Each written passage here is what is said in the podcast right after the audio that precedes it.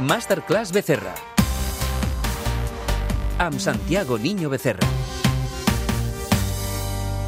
Atenció a la notícia, el Servei de Correus ha convocat unes 3.300 noves places per al mes de setembre i atenció, a les oposicions s'hi han apuntat unes 150.000 persones. Xifres increïbles que demostren el moment complicat que vivim la, i la precarietat laboral que molta gent pateix. No? Són xifres que es garrifen perquè penses que d'aquestes 150.000 persones al mes de setembre 147.000 molt possiblement continuaran sense feina. So there I go. Oh, can't make a wife out of a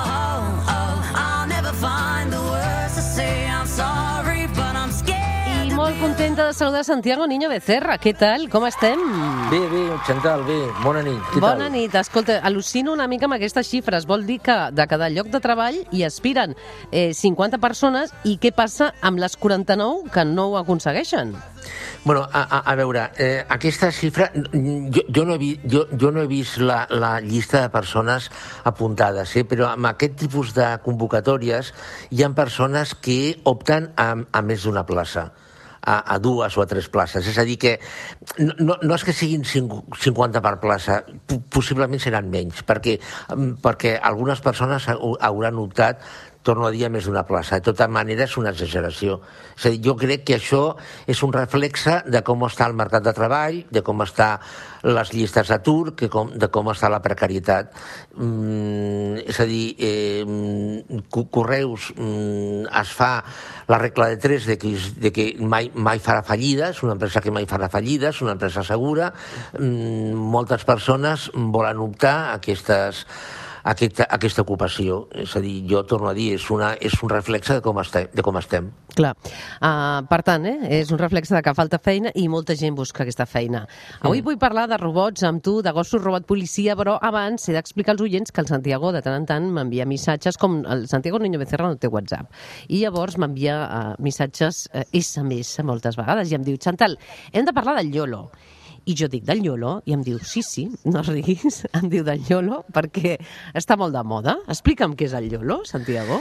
A veure, el YOLO és, és una tendència eh, que ha aparegut als Estats Units eh, ja porta, ja porta un, un parell de mesos, uns mesos.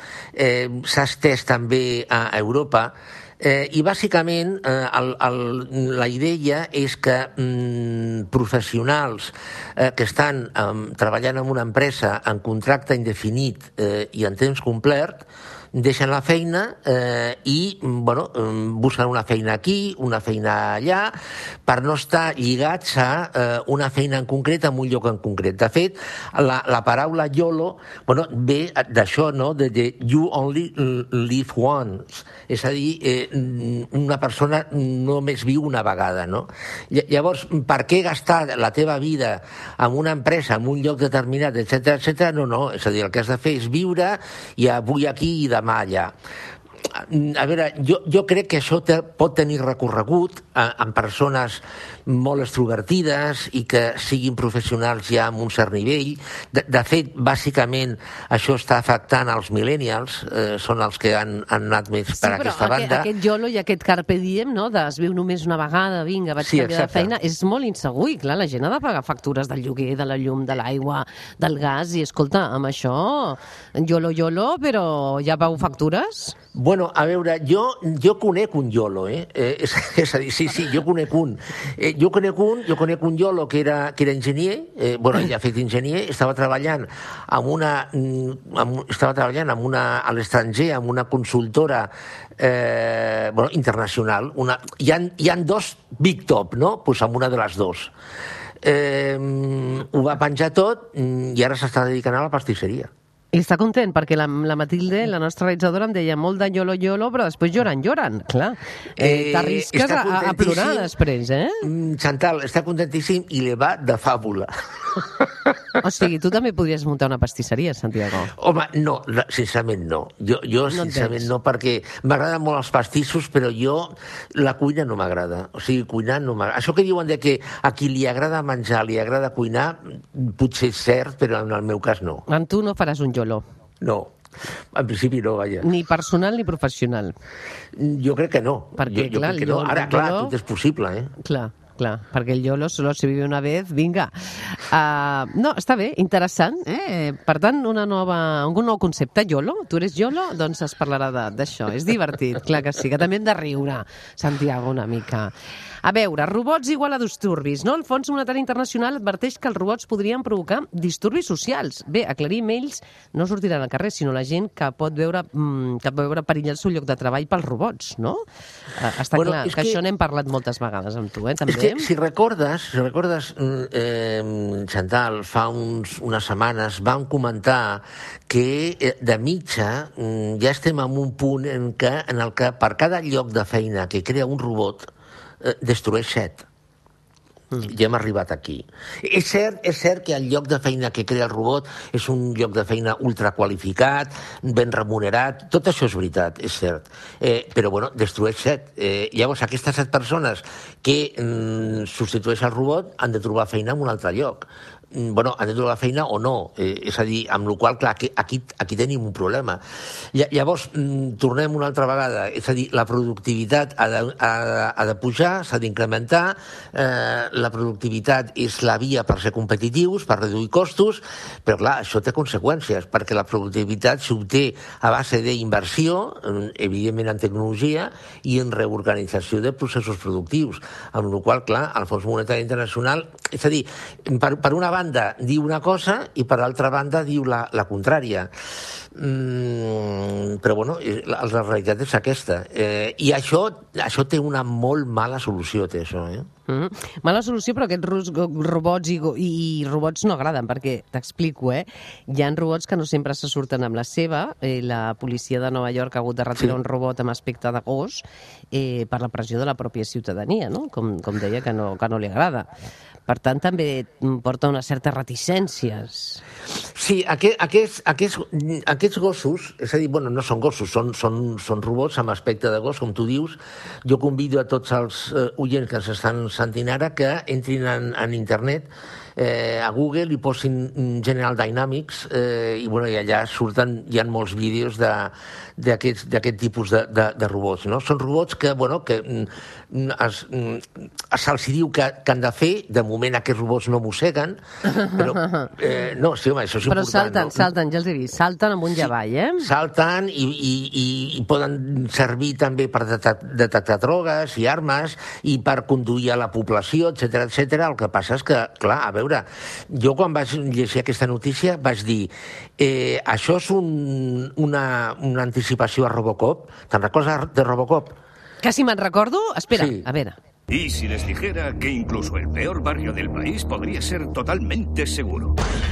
¿Que cómo lo sé? Porque está sucediendo ahora mismo en todos los países del mundo, excepto en este. Es magnífico ver a nuestras máquinas ayudando a promover la paz. Entonces díganme, ¿por qué no podemos utilizar estas máquinas en nuestro país? Robocop, eh? El gos robot Sí. ha fracassat, però tard o d'hora veurem robots, potser al, al I- carrer controlant-nos, també. Jo, jo crec que sí, eh? Jo, jo crec que sí. A més, a més amb l'avantatge que sempre diem, és a dir, no es posen malalts, eh, poden treballar eh, 24 hores al dia, 7 dies a la setmana, només als períodes de manteniment, no es cansen, vull dir, etc etc. Què farà si et multa un robot? Què farà Santiago si un dia et multa un robot? Eh, bueno, jo, ah, si em multa a mi, em multarà a tothom. És a dir, mm, eh, et, et, et tindràs d'aguantar. És a dir, és que, és, que no, no, és que no hi ha més. És que, és que no hi ha més. De, jo, jo crec que això que ha passat a Nova York ha sigut un assaig. És a dir, els han tret al carrer perquè la gent els, els vegi, no han agradat, evidentment, no han agradat, mm, perquè a l'aspecte és que l'aspecte que tenen és un aspecte, mm, vull dir, una mica, no diré fastigós, però, bueno, és un aspecte raro, és a dir, raro. Eh, els podien haver fet d'una altra manera, però, bueno, és un aspecte raro. Però bueno, jo crec que ha sigut un assaig, de moment han sigut rebutjats, jo, jo crec que els hi tornaran a treure, sota el meu punt de vista, canviant l'aspecte, eh, és possible que participin amb, amb, algun tipus de rescat d'un nen o d'una nena que estigui en una situació dolenta i llavors diguin, miren, veuen, po poden fer coses bones i jo crec que amb un horitzó de, de posem 10 anys tindrem ja interioritzats totalment els policies robots. Però jo ho veig així, eh? Per acabar, um, teletreball i sous. Google ha decidit que si vius en un lloc on la vida és més barata i, i teletreballes, no tens que cobrar tant, però la companyia guanya el mateix per la teva feina, la facis on la facis, no? Uh, et sembla una justa mesura? Perquè, clar, això vol dir molt teletreball, però que estan dient que llavors cobrarem menys, en alguns Bueno, això- casos. Això, Chantal, té unes implicacions terribles eh, i va molt més enllà de que ho hagi fet Google o no. A veure, eh, un, un salari eh, ha de ser conseqüència de, de la valoració d'un lloc de treball. I, i, i és independent de qui faci aquesta feina. Si la fa un home, una dona o la fa qui sigui. Eh, un, un, una persona asiàtica, una persona canadenca. Eh, és a dir, eh, la, el salari ha de ser, torno a dir, la valoració del lloc de treball. Eh, això que ha fet Google, mm, és a dir, mm, eh, ha posat una altra variable. Eh, si el nivell de preus, eh, eh, segons com sigui el nivell de preus, mm, el salari ha de canviar. És a dir, no ha de, no ha de cobrar el mateix una persona en, en Bangalore, Índia, que a Nova York, Manhattan, Nova York. Per què? Home, perquè el nivell de preus a Manhattan és molt més alt que a Bangalore. Mm, una altra vegada, si jo crec te- que no, això però. Cosa, si tu teletreballes, eh, passes més estona a casa, no? i per tant pagues més de llum, més de gas, perquè estàs també utilitzant eh, les instal·lacions que no utilitzes de la feina, de llum i gas, i, i les de casa, no? Per tant, Sí. també s'ha de comptar Sí, que el però treballador, això- el treballador està posant de la seva part quan teletreballa. Sí, però, però això, això es pot eh, arreglar. És, és o- el que ha fet eh, la companyia d'assegurances AXA, que ja ha pactat amb els, amb els representants dels, dels treballadors eh, que els hi donarà uns diners per equipament a les persones que teletreballin i una quantitat diària per pagar gastos de despeses de llum i internet, etc etc. És a dir, això es pot arreglar, però això és un plus de despeses tal. Jo, jo parlo del que és el salari. És a dir, el, el lloc de treball, el lloc de treball eh, eh, mm, l'ocupa una persona on, on ho ocupi i aquest, aquest lloc de treball genera un valor afegit. El que remunera és el valor afegit que genera la persona. Mm, Jo crec que mm, posar el nivell de preus mm, eh, ens estem carregant el que és la valoració del lloc de treball. Jo penso que això és una estafa sincerament. És una Una altra cosa és que la persona ho accepti perquè no li quedi una altra. O, és, o lo tomas o lo dejas. Clar. Això és una altra història. Ai, la però vida. Jo, però Ai, jo, crec vida. que això, jo crec que això no s'ha de barrejar. Molt bé. Doncs escolta, com sempre, Santiago, un plaer parlar amb tu de tots aquests temes de- d'actualitat i com sempre ens veiem i t'escoltem a- Molt bé. al Revolució 4.0. Gràcies, Chantal, bona nit. Gràcies, bona nit. bona nit. Bona nit.